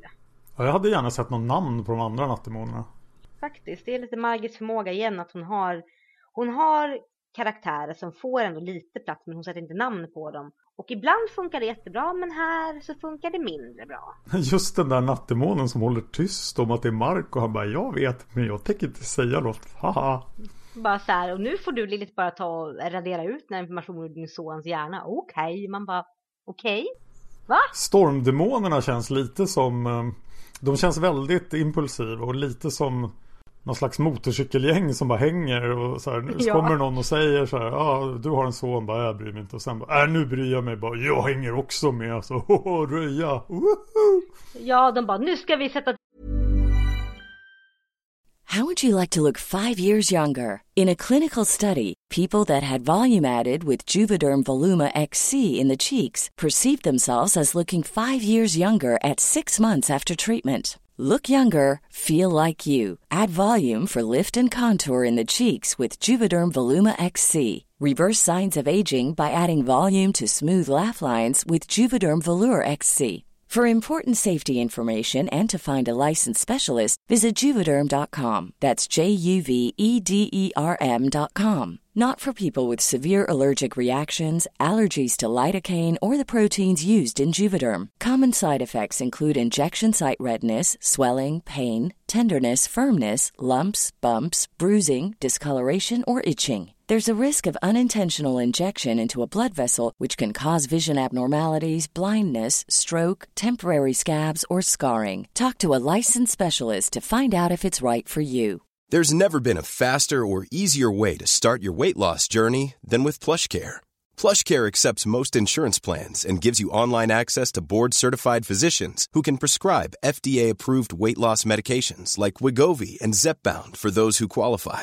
Take charge of your health and speak with a board-certified physician about a weight loss plan that's right for you. Get started today at plushcare.com slash weight loss. That's plushcare.com slash weight loss. plushcare.com slash weight loss. Hi, I'm Daniel, founder of Pretty Litter. Did you know cats tend to hide symptoms of sickness and pain? I learned this the hard way after losing my cat, Gingy. So I created Pretty Litter, a health monitoring litter that helps detect early signs of illness by changing colors, saving you money and potentially your cat's life. Pretty Litter is veterinarian developed, and it's the easiest way to keep tabs on your fur baby's health right at home. Go to prettylitter.com and use code ACAST for 20% off your first order and a free cat toy. Terms and conditions apply. See site for details. Du, nu ska vi ta det andra gänget och de svarta änglarna bara Guys, det var inte det här vi sa att ni skulle Okej, de är redan borta. Vi får bara försöka hala in dem här. En annan sak jag funderar på är hur stor är en svartängel i sin naturliga form? Jag tänkte på det också. Eh, tillräckligt stor och lång för att behöva böja sig ner när Vanja ska riska någonting i örat. Men beskrivs som så stor att vingarna nuddar upp till taket. Så det känns som dels jättestor och dels kanske bara typ två och en halv meter. Ja, för när de hämtade Saga och sådär, då kändes det som att de var två och en halv, tre meter. Men här känns det som de är 20 meter långa. Men jag funderar på om det kan vara vingarna. Alltså om det är vingarna som gör det här. För att om man tänker på det här vetenskapligt så måste ju vingar, för att bära en, en varelse i flykt, måste ju vingarna vara större än vad kroppen är. Det kan ju inte liksom så här, om, om vi skulle ha vingar som människor skulle inte vingarna vara pyttesmå. Vingarna hade behövt vara väldigt stora för att bära oss. Jag har faktiskt sett en beräkning på det här och du måste ju Oh. ha en, en fågelkropp för att kunna bäras av vingar. Utan skulle du försöka bära en människokropp med vingar så pratar vi vingar som... Nu har jag inte det här framför mig men det jag vill komma ihåg var att vingarna var tvungna att vara två kilometer. Jag tror att andra regler gäller för svarta änglar. Ja, jag tror definitivt inte svarta änglarna är några anhängare av fysik. Nej, men jag kan nog tänka på att inte de här vingarna som du vet pyttelite bara sticker upp över axeln. Jag tänker mig att de här vingarna alltså ändå tonar upp sig en del över huvudet, liksom att de ändå sträcker sig upp över huvudet och sedan ka- kanske ungefär en halv meter upp över huvudet och sen faller ner mot golvet. Så att vingarna lägger till rätt mycket i längd. Vet du jag tänkte också på i de här scenerna förresten? Nej. Jag tänkte ju på när Ray ska rita det här. Åh, det kommer bli så episkt! Oj, oj, oj. Ray, du får skynda dig nu, okej? Bok 29, choppa choppa! Kom igen, och sen till bok 33, choppa choppa! För den som inte vet då så håller ju Ray Husak på att teckna hela Sagan om Isfolket. Och eh, tre böcker finns ute nu som sträcker sig till bok 6. Eller hur? Precis. Ja. Och fler är på gång. Finns på science fiction-bokhandeln och eh, om ni söker på nätet bara efter Isfolket Graphic Novels. Precis. Så gå in gärna och köp de böckerna så ni stöttar Ray som gör att vi faktiskt får se hela sagan i serieform.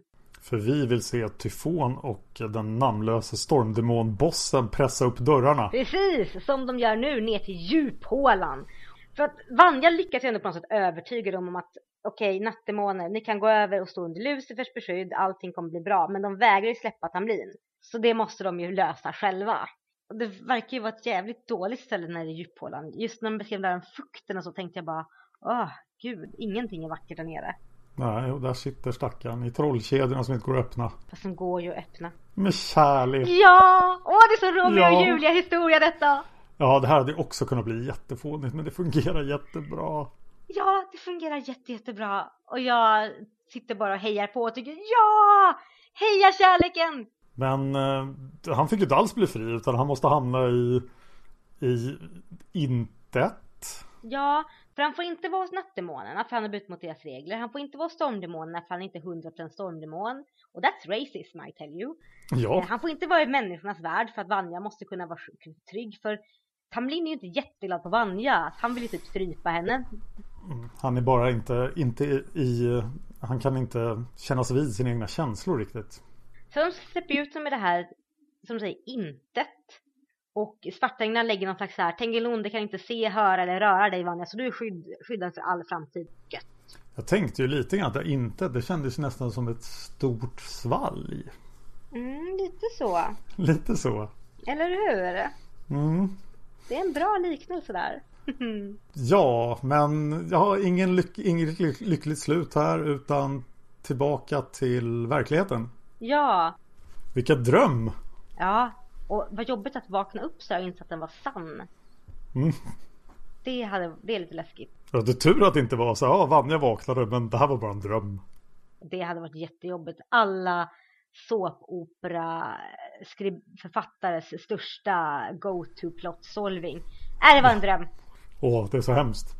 Jag har sen, sen de sakerna hände i såpoperor haft jättesvårt för drömmar i alla former av tv-serier och filmer och sådär. Det är så enkelt sätt för en för manusfattare eller författare att bara liksom lösa grejer eller få in coola grejer som sen inte behöver säga att men det här var ju bara en dröm. Men här är det ju en dröm, men den har faktiskt hänt. Det är ju bevisligen att det här var en resa Vanja faktiskt gjorde. Ja. Men två år går, Marit och Kristoffer får en son, Vetle. Och eh, Vanja ska gifta sig, för det måste hon ju göra. Ja, hon hittar den här praktkaren Frank. Blä. Ja, men han är väl trevlig. Nej, det är han inte. Han är, han är inte Tamlin. Nej, men han brottas och han är med i Let's Dance. Och... Nej, det, det var Frank, det var inte Frank Andersson, det var Frank Månsson. Precis. Fel Frank, du måste hålla isär dem. Okej, han är lite kristen, eller väldigt kristen. Och, uh, lite tråkig, men han ser okej okay ut. Är jätteförälskad i Vanja. Han är, åh, tycker att hon är hans rena blomma han, han ska ta hand om. Yeah, about that. och just då, hon vet att hon måste få ett barn. Ja, jag tycker så synd om Vanja för här, här är ju den här grejen som jag tycker väldigt mycket om i e-sport. Vi har, vi har väldigt sällan sett det här kravet på att eh, män och kvinnor ska gifta sig. Det har funnits med att ja, de borde gifta sig så att vi får lite barn. Men här är verkligen Vanja måste gifta sig för att få barn för det är hennes barnbarn som kommer vara den utvalde. Så vi vet i princip att Vanjas barn kommer att föda den utvalde? Ja, och det här är jättejobbigt för Vanja har ju inget val och inte för att de andra tjatar på mig men för att hon har det här kravet omöjligt på sig att du måste verkligen gifta dig. Du har inget som helst val i den här frågan. Ja, och hon vet ju verkligen att, eh, att allt det här stämmer och att hela sagan är sann och att hon, hon måste göra det annars är det kört för hela världen. Ja, så hon trolös sig med Frank och sedan så försvinner ju han på en resa till Kina och blir inspärrad i massa år och det var ju kul. Ja, boxarupproret fick vara med lite där plötsligt. Ja, eller hur? Det hade jag helt missat när jag läste boken första gången. Det blir så här, nej men titta kinesisk historia, det är asroligt. Ja, jag hade gärna hört lite mer om boxarupproret. Fantastisk historia. Typ. Jag lovar att ni är säkra för kulor. På grund av min magiska kraft. Så, här, så det är bara använd kung fu, funkar jättebra mot kulor. Sen bara, men det funkar ju inte. Jag bara, Whoops bara hoppsan, det alltså blev fel. Ja, ja, sorry, mitt misstag. Men vi glömmer det här, eller hur? Precis, det hade varit roligt. Men mm. Frank eh, är där, han är i Kina. Mm. Och blir kvar där. Och Banja går ju och väntar för de är ju förlovade så hon kan ju inte gifta sig eller gifta någon annan. Så att hon går där och väntar, rätt nöjd, lite orolig. Men sen kommer det här finaste ögonblicket, tror hela boken. Ja, ja, jag håller helt med dig. Att hon strövar upp där, vi får den här också hon svävar upp på åsen och samtidigt får vi den här fina vandringen genom Isfolkets historia på att hon ser parken där Gråsensholm har legat. Hon kommer till den här offerstenen där Heiko och Vinga gjorde sin ritual och där träffar hon Tamlin. Ja, ja det, det, funkar ju för att vi har sett den här platsen förut. Vi vet att den är magisk. Och ja, det är så romantiskt. Det är jätteromantiskt för att nu är de verkligen vuxna och de vågar erkänna, eller Tamlin vågar erkänna att han älskar Vanja. Ja, han har ju verkligen förändrats och jag ställer mig lite frågan nu efter att ha läst hela boken för att i den här scenen så känns det som att han de säger det flera gånger att han är ingen nattdemon längre. Han har blivit ingenting. Så det känns ju som att hans natur har ändrats. Men eh, ja, barnet är ju nattdemon till delar jag tänker mig att det de syftar på är ju mycket det här nattdemonens egenskaper, att det som att det här demoniska som alla nattdemoner har, typ ta två pluppar i elakhet, ta två pluppar i kaos, ta två pluppar i att du måste ligga med allt du ser hela tiden. Och typ och ta två pluppar i du har inga empatiska band till någon annan varelse. Och de grejerna är ju helt borta. Jag skulle säga att genetiskt är ju Tamlin fortfarande en nattdemon.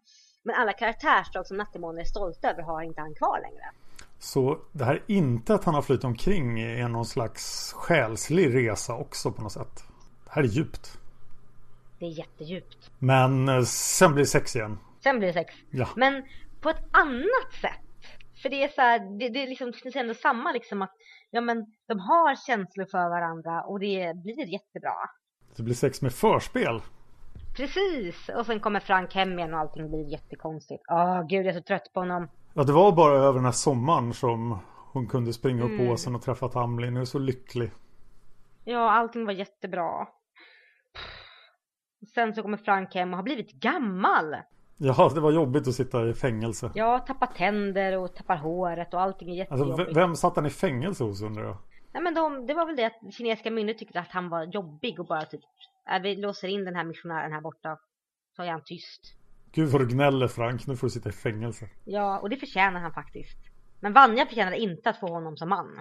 Han var så jättegammal verkligen. Så fem tänder och, och gnällig och... Och tjock.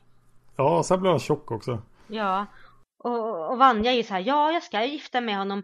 Och här kommer den här detaljen som jag helt hade förträngt. Att Vanja försöker faktiskt säga till honom att de här känslorna jag hade för dig, de finns inte. Och då hotar hon att ta livet av sig. Oh, Ja, så att hon gifte sig med honom både för att de var trolovade men också för att när hon försökte att dra sig ur så, så går han ju ut och liksom knyter en snara och säger jag ska hänga mig. Ja, det är inte en bra åtgärd om din partner säger att hon, hon eller han vill bryta förhållandet. Precis. Så Frank sjönk ju som en sten och fortsätter sjunka för mig hela vägen ner till Mariannegravens botten. Jag tycker inte om Frank. Nej, och hade han några förmildrande egenskaper så är de helt borta här. Stackars Vanja. Men hon gifte ju, de gifte sig i alla fall. Ja, Och ja, blä.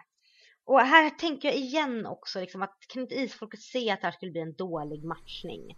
mm, ja men det är inte Franks gener. Nej, utan det är Tamlins gener, det är Tamlins lilla dotter. Yay! Ja, för han hade bara hållit igen. För nattemåner kan bestämma sig när de skjuter skarpt och inte. Precis, och det tyckte han. Fast mitt barn, det ska det ju bli. Woho! Ja, och måste säga Krista kommer ganska lindrigt undan här. Mm. Med att vara, hon är alltså till hälften demon och till en åttondel svartängel. Ja, Och allt hon får är liksom en liten konstig tunga. precis. Eller? Eller, det märker vi. Och hon är också då till hälften demon. Hon är ju hälften nattdemon och hälften stormdemon, ish. Eller hur blir det? Ja, just det. Så är det ju.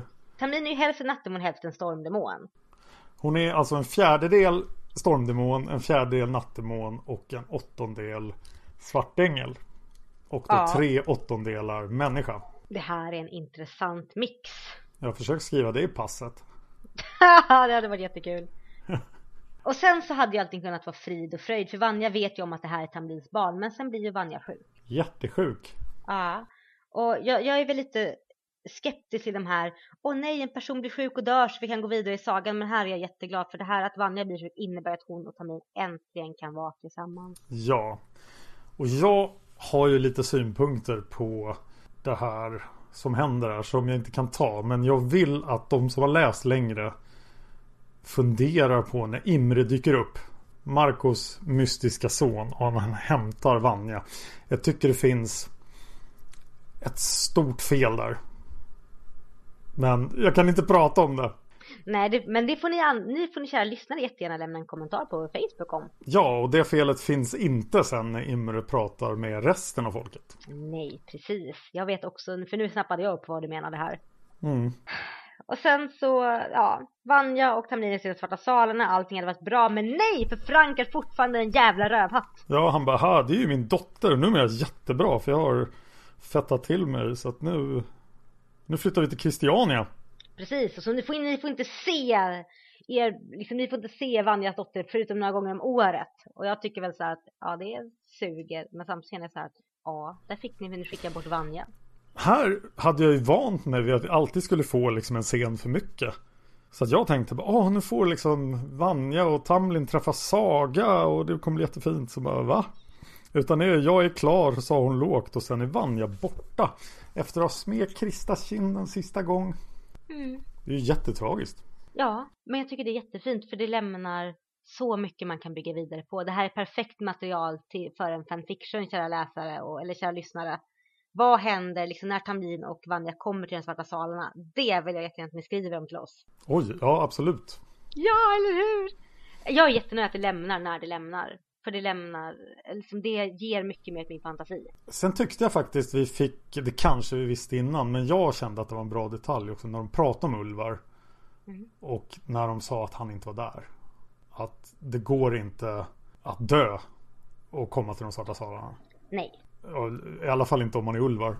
Nej. Och att Ulvar faktiskt inte är där. Det, det tyckte jag var en intressant detalj. Ja, Ulvar är ju död. Ja, död och begraven.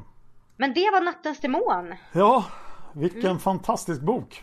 Ja, den är helt magisk på så många sätt. Jag, jag var lite rädd när jag läste om den här och var rädd att det skulle bli en besvikelse när vi hypat den så mycket. Men jag kan fortfarande säga att den är mina favoriter i hela sagan.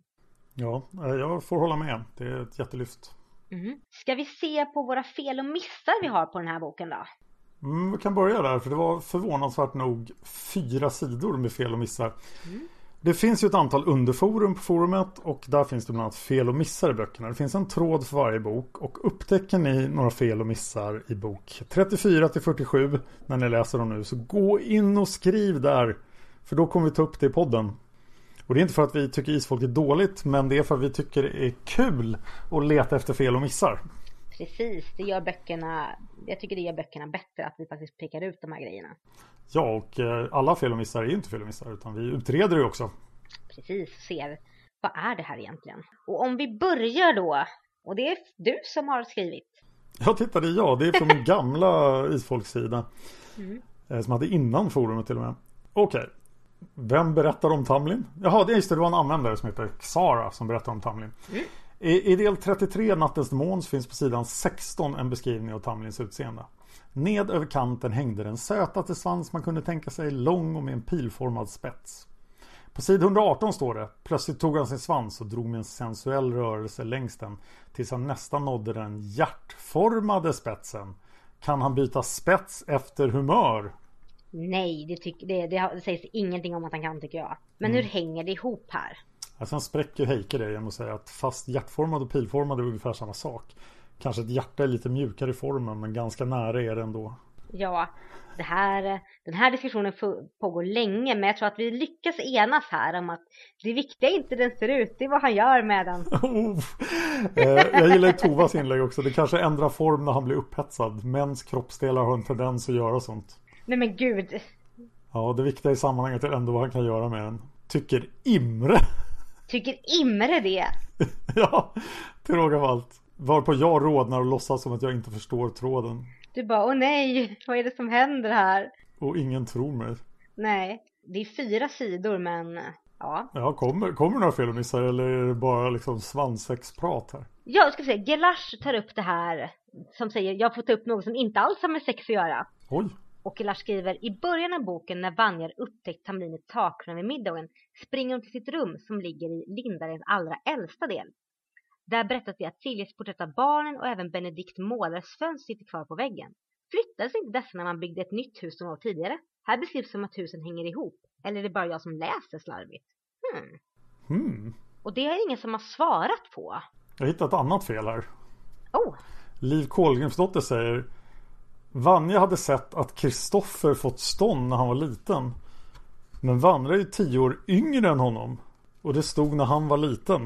Uh, det måste jag klassa som ett fel i så fall.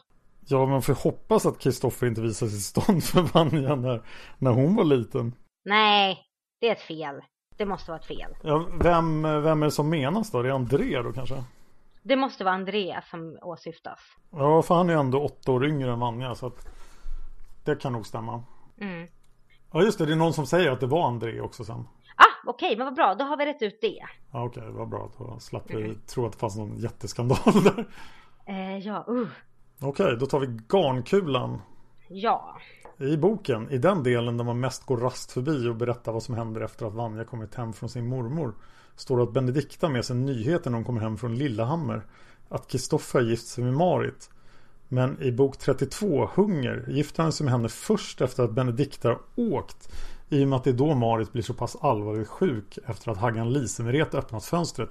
Hur kan Benedikte veta det? Dum, dum, dum. Det mest logiska hade väl varit om Kristoffer skickat brev eller ringt sina föräldrar. Jag hade inte reagerat över det här faktiskt. Men nu när det sägs så uh, det är lite konstigt. Väldigt uppmärksamt Garnkulan. Men hon är inte klar, hon hittar en till grej. En annan sak som jag reagerar på som lite konstigt är det faktum att Vilja dör före Belinda den här boken. Och det verkar som att det kanske är ett par år emellan, men jag kan ha fel. Det är allmänt känt att isfolket lever länge och det vanligaste är att de överlever sina makar. Det påtalas även hur konstigt det är att Elisabeth dör i samma veva som Vemund. Eftersom hon är av isfolksbod och borde vara mer motståndskraftig. Så visar det sig även att hon har blivit förgiftad. Viljar må vara lite äldre än Belinda men lite konstigt är det ändå tycker jag. Jag reflekterar över det här också för att även Christer, Thomas son, alltså Tulas eh, son, dör ju före sin fru eh, Magdalena. Ja, det kanske är så helt enkelt så att isfolkets eh, långlevnadsegenskap har bleknat med tiden. Det känns så, för i de första generationerna och fram tills någon gång vid Heikes känns det som att isfolket överlevde all, all, överlevde alla sina makar och fruar, men inte längre. Intressant. Ja, verkligen. Det hade jag aldrig tänkt på tidigare. Men det var de fel och missar vi hade. Ja, och sen ska vi nu introducera ett nytt moment då, för vi tycker inte att det är tillräckligt att podda i eh, ja, så långt som vi har gjort utan nu kommer podden bli ännu längre. Ja! För eh, Vanja börjar i den här boken då, alltså min fru på Isfolkforumet att eh, skriva några reflektioner över böckerna och hon kommer igång lite smått i den här boken då, men hon kommer att komma igång väldigt mycket i senare böcker och speciellt om vi fortsätter efter Isfolksagan. Oh, spännande. Så, så här skriver hon om Nattens Demon då. Eh, några saker som jag reagerar på. Och kom ihåg att jag tycker böckerna är jättebra även om jag sågar dem delvis. Och det här det börjar heta Vanjas reflektioner men det kommer att byta namn till Vanjas negg-reflektioner senare. Det är lättare och nästan roligare att finna fel i dem. Nattens demon, sid 147. Kristoffer fortsatte. Han hade blivit riktigt lyrisk. Du är så spröd och eterisk som månstrålar i skimrande spindelväv en sommarnatt. Du har så utsökta färger lilla syster. Ditt svallande hår är som mörkkoppar. Din hy så ski och skir och delikat att den tycks genomskinlig och dina rörelser är som en dansande elva. Säger man så sina syskon? Ja, Kristoffer pratar om Vanja som man ser som sin lilla syster. Det låter lagom onaturligt. Ja. Sid 157. Medvetande om ett liv efter detta kunde rädda honom lullade in honom i det falska tröstätande som han kallade kristendomen. Marco berättar muppiga historier för Vanja och Margits tankar lyser igenom. Eh, Marco borde veta att det finns en gud. Ja, det borde ju Marco veta faktiskt. Eh, ja. Om inte annat så kan Marcos pappa berätta det. Precis. När jag var ung då var jag i himlen. Så vidare. Vi fortsätter. Sid 214 men hon är en anständig människa och gift med blivande professor. Även om hon inte är något för världen att se. Hon har fått arvet se. Arvet, hade Frank undrat. Ja, de blir sådana. Charmigt svar. Och där slutar vi för den här gången. Eh, med det. Och nu går vi in till era svar på våra frågor. Ja, och vi har fått in en hel del svar den här gången. Jag la till en extra fråga. Ja, jag ser det. Vad, vad fint Dan att du la till den. Ja, jag, jag kan inte släppa det med svansex. Så att uh, min extra fråga då är svansex fånigt eller erotiskt? Ja, och då frågade vi också, och det första svaret kom från Silja Arngrimsdotter och vi frågade förutom svansex, fånigt eller erotiskt så frågade vi de vanliga frågorna. Vad tycker du om boken? Bokens bästa ögonblick och vilken är din favoritkaraktär och varför? Och Silja Arngrimsdotter svarar så här. Hittills har serien för det mesta varit en historisk släktsaga med några få undantag som dödens Död. trädgård och Lucifers kärlek. Men här tar vi steget fullt ut in i fantasy-genen. Jag är inte så säker på om jag gillar det. Handlingen är ganska... Eh, dröj. Trög kanske? Ja, kanske. Jag... vi säger, vi, säger vi, vi använder det norska ordet, vi säger dröj. Ja, dröj tror jag också. Dröj. Och hade passat bättre i ljusets rike än isfolket. Tamlin är lite för mycket av det goda, men helt men på slutet måste jag motvilligt inse att han har snackat sig lite under huden på mig. Men bara lite. Kanske för att kontrasten till Frank Månsson är så stor och honom gillar jag överhuvudtaget inte. Bokens bästa ögonblick, det tror jag måste vara när Imre och Svartängarna tar med sig Vanja och lille Christer för att möta Tamlin. Sen är det trist att Vanja nu försvinner ut av historien på samma sätt som Saga gjorde. Jag gillar också Vanjas vistelse i Trondheim hos sin mormor, särskilt det som sker på stranden och utflykten till Isfolkets dal. Resan i drömmen samman med ulvarna, eller svartänglarna, för att befria nattdemonerna från Tengnons inflytande och Tamlin från hans fångenskap är ganska spännande. Favoritkaraktär? Kan jag säga Imre? Jag vill se mer av honom, mycket mer! Och så då frågan svanssex. Fånigt eller erotiskt? Och Silja Agnesdotter säger mest idiotiskt vill jag säga. Hal eller inte? Eh, jag vet inte vad hon menar. Nej. Hur som helst, Tamlin har aldrig tilltalat mig på det sättet. Nej, ge mig hellre Tengil den gode, eller Cool, eller Thomas, eller Marco, eller punkt, punkt, blinkande smiley. ja, vi kanske måste prata lite mer om Imre, faktiskt. Så det tycker jag vi gör nu. Här alltså, Marco sa att jag kommer inte, det kommer någon annan. Och här dyker Imre upp och säger jag är Marcos son. Och det väcker ju ganska mycket frågor. För Marcos son Imre alltså runt 20 år gammal. Ja, så då fick han ju alltså barn ungefär samtidigt som Vanja. Alltså Vanja, ja. Vilket år är vi på slutet av boken? Då, då, när vi, I slutet av boken är Vanja 26. Okej, okay, så då är det alltså 1910. Ja, så då fick alltså Marco barn ungefär fyra år efter det att han lämnade Lindalen och alltså fyra år efter det att Ulvar dog. Ja, så att eh, det finns ju en hel historia om Marco här som vi inte har hört. Nej. Utan Marco har inte bara utbildats utan även träffat en eh, kvinna får vi anta. Ja. Och då skaffat den här sonen som han nu tänker lämpa över allt ansvar på. Men tidsmässigt så håller ju det här. Ja, det håller. Och vi vet ju ingenting om Imre. Vi vet bara att han är vacker. Han kommer, han har tagit på sig Marcos jobb. Men i och för sig nu kommer ju Vanja från Ulvar. Mm. Men Vanja hade inga svartängelssegenskaper förutom att se nattemånar. Nej. Så då är ju verkligen frågan, kommer Imre att klara av det här jobbet? Lika bra som Marco gjorde? Och vem är det Marco har haft fått barn med?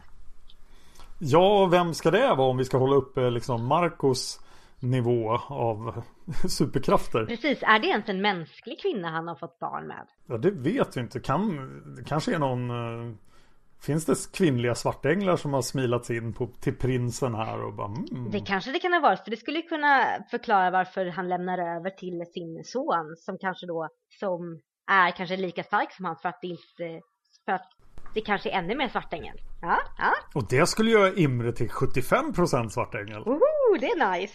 Då kanske han är ännu mer obalanserad. Jag kan tänka mig då att anledningen att Marco inte är här det är att han, han har en 20 meter hög svartängeltjej som som förslavar honom och behandlar honom så han har blivit en toffel och är fast i svarta salarna. Eller så han bara blivit Det är bara en teori Eller så han bara blivit gammal. Marco är ju ändå människa till viss del så han åldras Ja men han är inte så gammal. Är han 49 här? Ja. Men han kanske inte kan springa runt på jorden som han gjorde innan. Nej. Han kanske vill ha ett lugnt hemmaliv. Det är det många som vill ha. Ja, vad var det de sa i slutet av boken också? De sa någonting om Vanjas Vanjas ålder, eller hur? Att hon inte skulle åldras. Nej men precis. Nej men, nej, men, hon, nej, men det var det som Vanja sa att eh, Vanja önskade det. Jag vill inte bli äldre hade hon sagt en gång. Jag vill vara som jag är nu. För Tamlins skull. Och hennes önskan hade blivit uppfylld. Okej, okay, ja det gör ju äldreargumentet mm. lite. För att om hon kan råka ut för det i Svarta salarna då kan ju garanterat Marco det också. Ja, men det kanske, då, då, då, vill jag säga att det här, då kanske inte Marco är de svarta salarna. Då kanske Marco faktiskt är gift med en mänsklig kvinna på jorden. Mm. Vi vill veta mm. mer om vad 17 som har hänt Marco. Ja, men ska vi fortsätta? Ja, vi fortsätter. Eh, fröken Anna-Maria säger vad jag tycker om boken. Precis som Lucifer kärlek så uppskattar den här mer när jag var yngre. Orsaken tror jag är precis den som Silja Arngrimsdotter säger. Det börjar bli för mycket fantasy. Jag är ett stort fan av fantasygenren men det har också lett till att mina krav på genren har höjts. Bland det viktigaste för mig är att det måste vara någon slags logik i den uppdiktade världen. Och där tycker jag inte att isfolksvärlden håller ihop riktigt. Det är för godtyckligt med magin, vem som kan göra vad och hur. Ni, Anna och Dan frågar ju ofta vilka regler gäller. Det finns liksom inga regler. Allt för starka hjälpare förtar spänningen. Styrkan med Isfolket tycker jag är de fina karaktärsbeskrivningarna i den historiska miljön med lite inslag av mystik och magi. Nattens demon blir lite för mycket av olika dimensioner, fantasyvarelser, drömvandringar med mera. Mitt i alltihop kommer Marco berätta science fiction historier. Men jag tycker om boken ändå. Det är en spännande berättelse om vacker kärlekssaga. Jag gillar att vi får komma tillbaka till Trondheim och Isfolkets dal. Favorithändelse är när Tamlin överraskar Vanja uppe på åsen och säger att han älskar henne. Han har förvandlats från demon till människa och det tycker jag är så vackert. Sedan gillar jag när han är liten och retas med henne. Favoritkaraktär är Vanja. Det är något med blandningen av naivitet, vimsighet och klarsynthet som tilltalar mig. Jag kan tycka att hon är enormt dum när hon försöker hitta dalen. Hon vet ju rimligen hur farligt det är och hur viktig hon själv är för isfolkets framtid.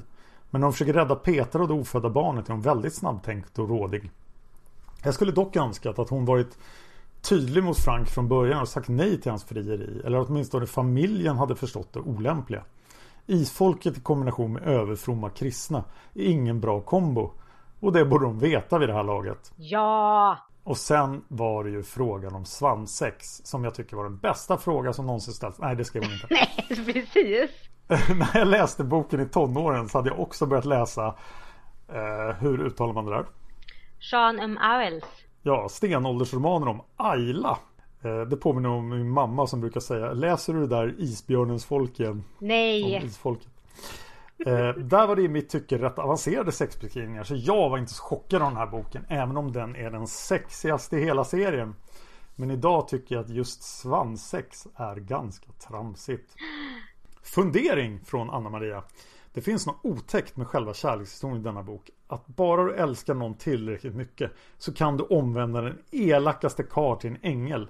Jag tror kärleken har förmåga att göra underverk men ibland är det bäst att lämna ett haltande förhållande. Jag är glad att Villemo inte fick ihop det med Eldar Svartskogen. Han var dock en vanlig människa. Det går inte riktigt att säga så om Ulvedin och Tamlin så jag får godta att de är omvändbara. Förstår ni hur jag tänker här? Ja, jag tror att det... Jag förstår helt. Se fram emot nästa bok i serien då vi kommer hem till mitt landskap. Dalarna! Woo! Oh, vad roligt! Ja, och nästa synpunkt kommer från mamma Tova som säger Boken är överhuvudtaget väldigt sorglig och lycklig om vartannat. Men det är så många tragiska människoöden som krockar. Hela Vanjas liv är tragiskt och sorgligt och Tamlins liv och öde lika så. Även Frank har ett förskräckligt liv. Det är så synd om alla. Många starka scener och berörande händelser. Ett parti som är lite långtråkigare, annars spännande, rakt igenom. Bokens bästa ögonblick. Ja, är det något Margit kan så är det skapa sympati för sina karaktärer och göra läsaren engagerad. När Vanja är nere i mardrömmarnas värld förvandlas vargen till svartänglar och säger, jag citerar, Ve er allesammans usla kryp, fall på knä för Vanja av isfolket, Lucifers barnbarn. Oh, gåshud. Mamma Tova säger, mitt bröst fullkomligt sväller av lycka och jag andas djupt ut. Känner mig innerligt stolt över Vanja, som om på något sätt vore mitt påfund. Favoritkaraktär? Jag gillar sura Tamlin som slits mellan vad han ska göra och vad han vill göra. Och så var det ju då frågan om svanssex. Är det fånigt eller är det erotiskt? Och mamma Tova säger erotiskt. Annat jag reagerar på. Vanja letar upp isfolkets dal. Det är rörande romans att Tamlin räddar henne. Typisk bad guy-romans som är det positiva slaget då hon verkligen lyckas omvända honom till en snäll kille som älskar henne. Tamlin slänger ut henne från dalen och säger att här är vi säkra, hit når inte hans makt, typ. Men det är konstigt att hans makt kan påverka människor vad som helst att göra saker och välja vägar i livet. Så som boken om färgkarlans ande som dök upp hemma hos Tula och i Ulvars båt. Nog fan måste man kunna flytta sin ande några meter för dalen. Nu måste jag snart ändra ratingen på iTunes för den här podden. När alla svär så här. Ja, förlåt. och eh, så säger mamma Tora vidare. Varför låter inte Henning och Agnete Vanja komma hem när hon skriver och verkligen tigger om att komma hem? Vad är det för föräldrar? Agneta om någon borde väl veta att hennes mor inte är så lätt att tas med och de ser väl att Vanja inte mår bättre där. Det är inte lik godhet att Henning att göra så. Marco kommer in och berättar en flum, flumlegend. Påminner lite om Heikes knarkfabler i Synden har lång svans. Eh, nästa svar kommer från Akasha. Hon säger Vad tycker du om boken? En av de bästa i serien. Den känns väldigt nyskapande. Jag tycker det är intressant hur hon beskriver demoner och deras värld. Känns som Margit legat i framkant med detta. Väldigt vågat av Margit att beskriva demonsex. Hon är jäkligt cool faktiskt. Kan föreställa mig att hon fick en massa nya fans och även en massa kristna haters efter denna bok. Den här boken är fantastiskt bra på att beskriva vår fascination för det mörka och hur det som anses ondskefullt även kan ha en stark lockelse. Och ja, Margit har en massa haters som är kristna tror jag och jag har faktiskt läst upp Eh, på Youtube-kanalen Margit Sandemo SE som ni måste prenumerera på där vi lägger podden. Där har jag läst upp eh, att Margit är, jag citerar någon artikel där, att Margit är djävulens bländverk typ. Den är ganska rolig. Vilken är, vilket är bokens bästa ögonblick? Beskrivningen av Vanjas färd ner i mardrömmarnas rike är otroligt välskriven och superspännande. Vilken är din favoritkaraktär och varför? Tamlin såklart. Need I say more? Svansex, fånigt eller erotiskt? Rätt rafflande faktiskt. Sexscenerna i den här boken är riktigt vågade. Tack för podden, ni är jättebra och roliga att lyssna på. Kram på er, Anna och Dan. Tack så jättemycket. Oj då, då har vi lyckats ta oss igenom nattens demon och nu ska vi vidare. Ja, men innan vi gör det så måste jag ju faktiskt göra en sak som jag glömt göra innan podden. Det här, jag, jag är proffs på det här. Har, har jag berättat det? Jag ligger etta på iTunes. Ja, det kommer sig av lång erfarenhet och genomtänkta Ja, att jag alltid tänker igenom allting. Men jag har upptäckt att det är faktiskt mycket lättare att kolla iTunes recensioner på, eh, på iPhone Ah, än, eh, än på nätet. Ja, nu upptäckte jag att det var lättare att kolla dem på iPad. Men den är inte här. Så, oj vad jag känner mig på. Gud vilka bra, vilka bra betyg vi har. ja men det har vi. Vi har fått jättemycket bra betyg. Men har vi fått någon ny iTunes-recension? Ja, saken är den då att när man kollar på en iPhone då kan man inte sortera dem i tidsordning. Så nu måste jag ändå göra det på, på iTunes. Det ska bli så skönt att läsa Isfolket recensioner här för att det är så här, ja. Ni är så snälla och trevliga även om det finns saker ni inte gillar då. Till skillnad från kanske folk som gillar seriemördare och, och funderar på mordet på Olof Palme då. Där folk kan uttrycka sig ganska, ja, negativt kan man lugnt säga. Det som även kallas för haters. ja. Då ska jag bara lista ut vilken den sista var som vi läste. Eh, vi hade fått en ny på fyra, eh, mm, lite in, som vi läste upp förra gången. Ja, vi har två nya. Har vi två nya? Ja, Oh, läs, läs, läs! Fem stjärnor av Oliver Holst. Tack Oliver. Tack så. Verkligen en otroligt underhållande podcast som definitivt får en att öppna ögonen och se Margits böcker ur andra läsares perspektiv. Så kul att påminnas om saker man glömt bort sedan man själv läste böckerna för några år sedan.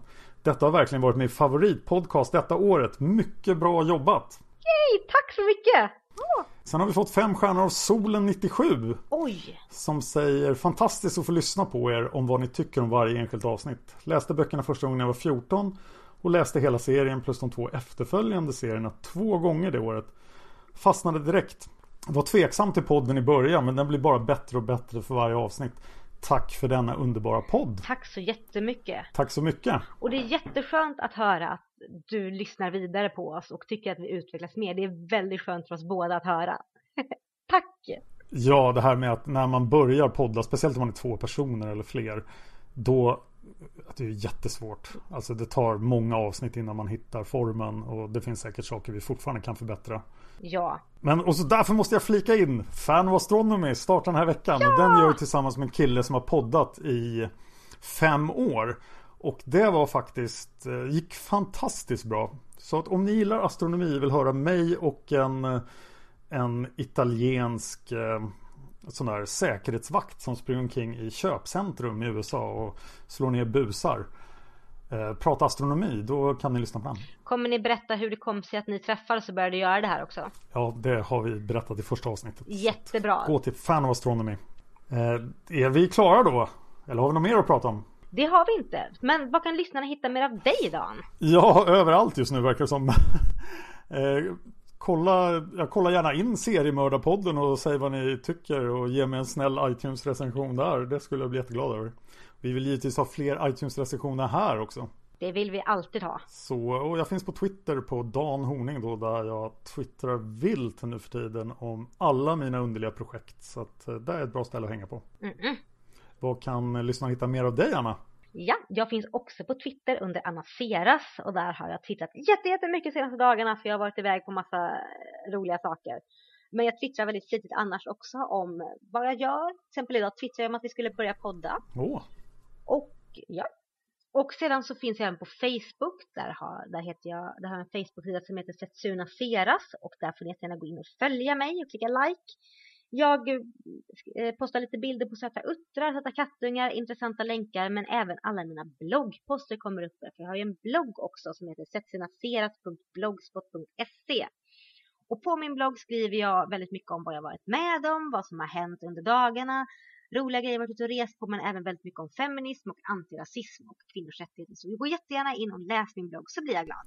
Vet du en sak Anna? Nej, vadå? Det är jätteroligt att podda med dig. Det är fantastiskt kul. Detsamma! Tänk om vi skulle göra en till podd. Men skulle vi hinna det? Ja, såklart vi hinner det! Ja, det måste vi fundera på.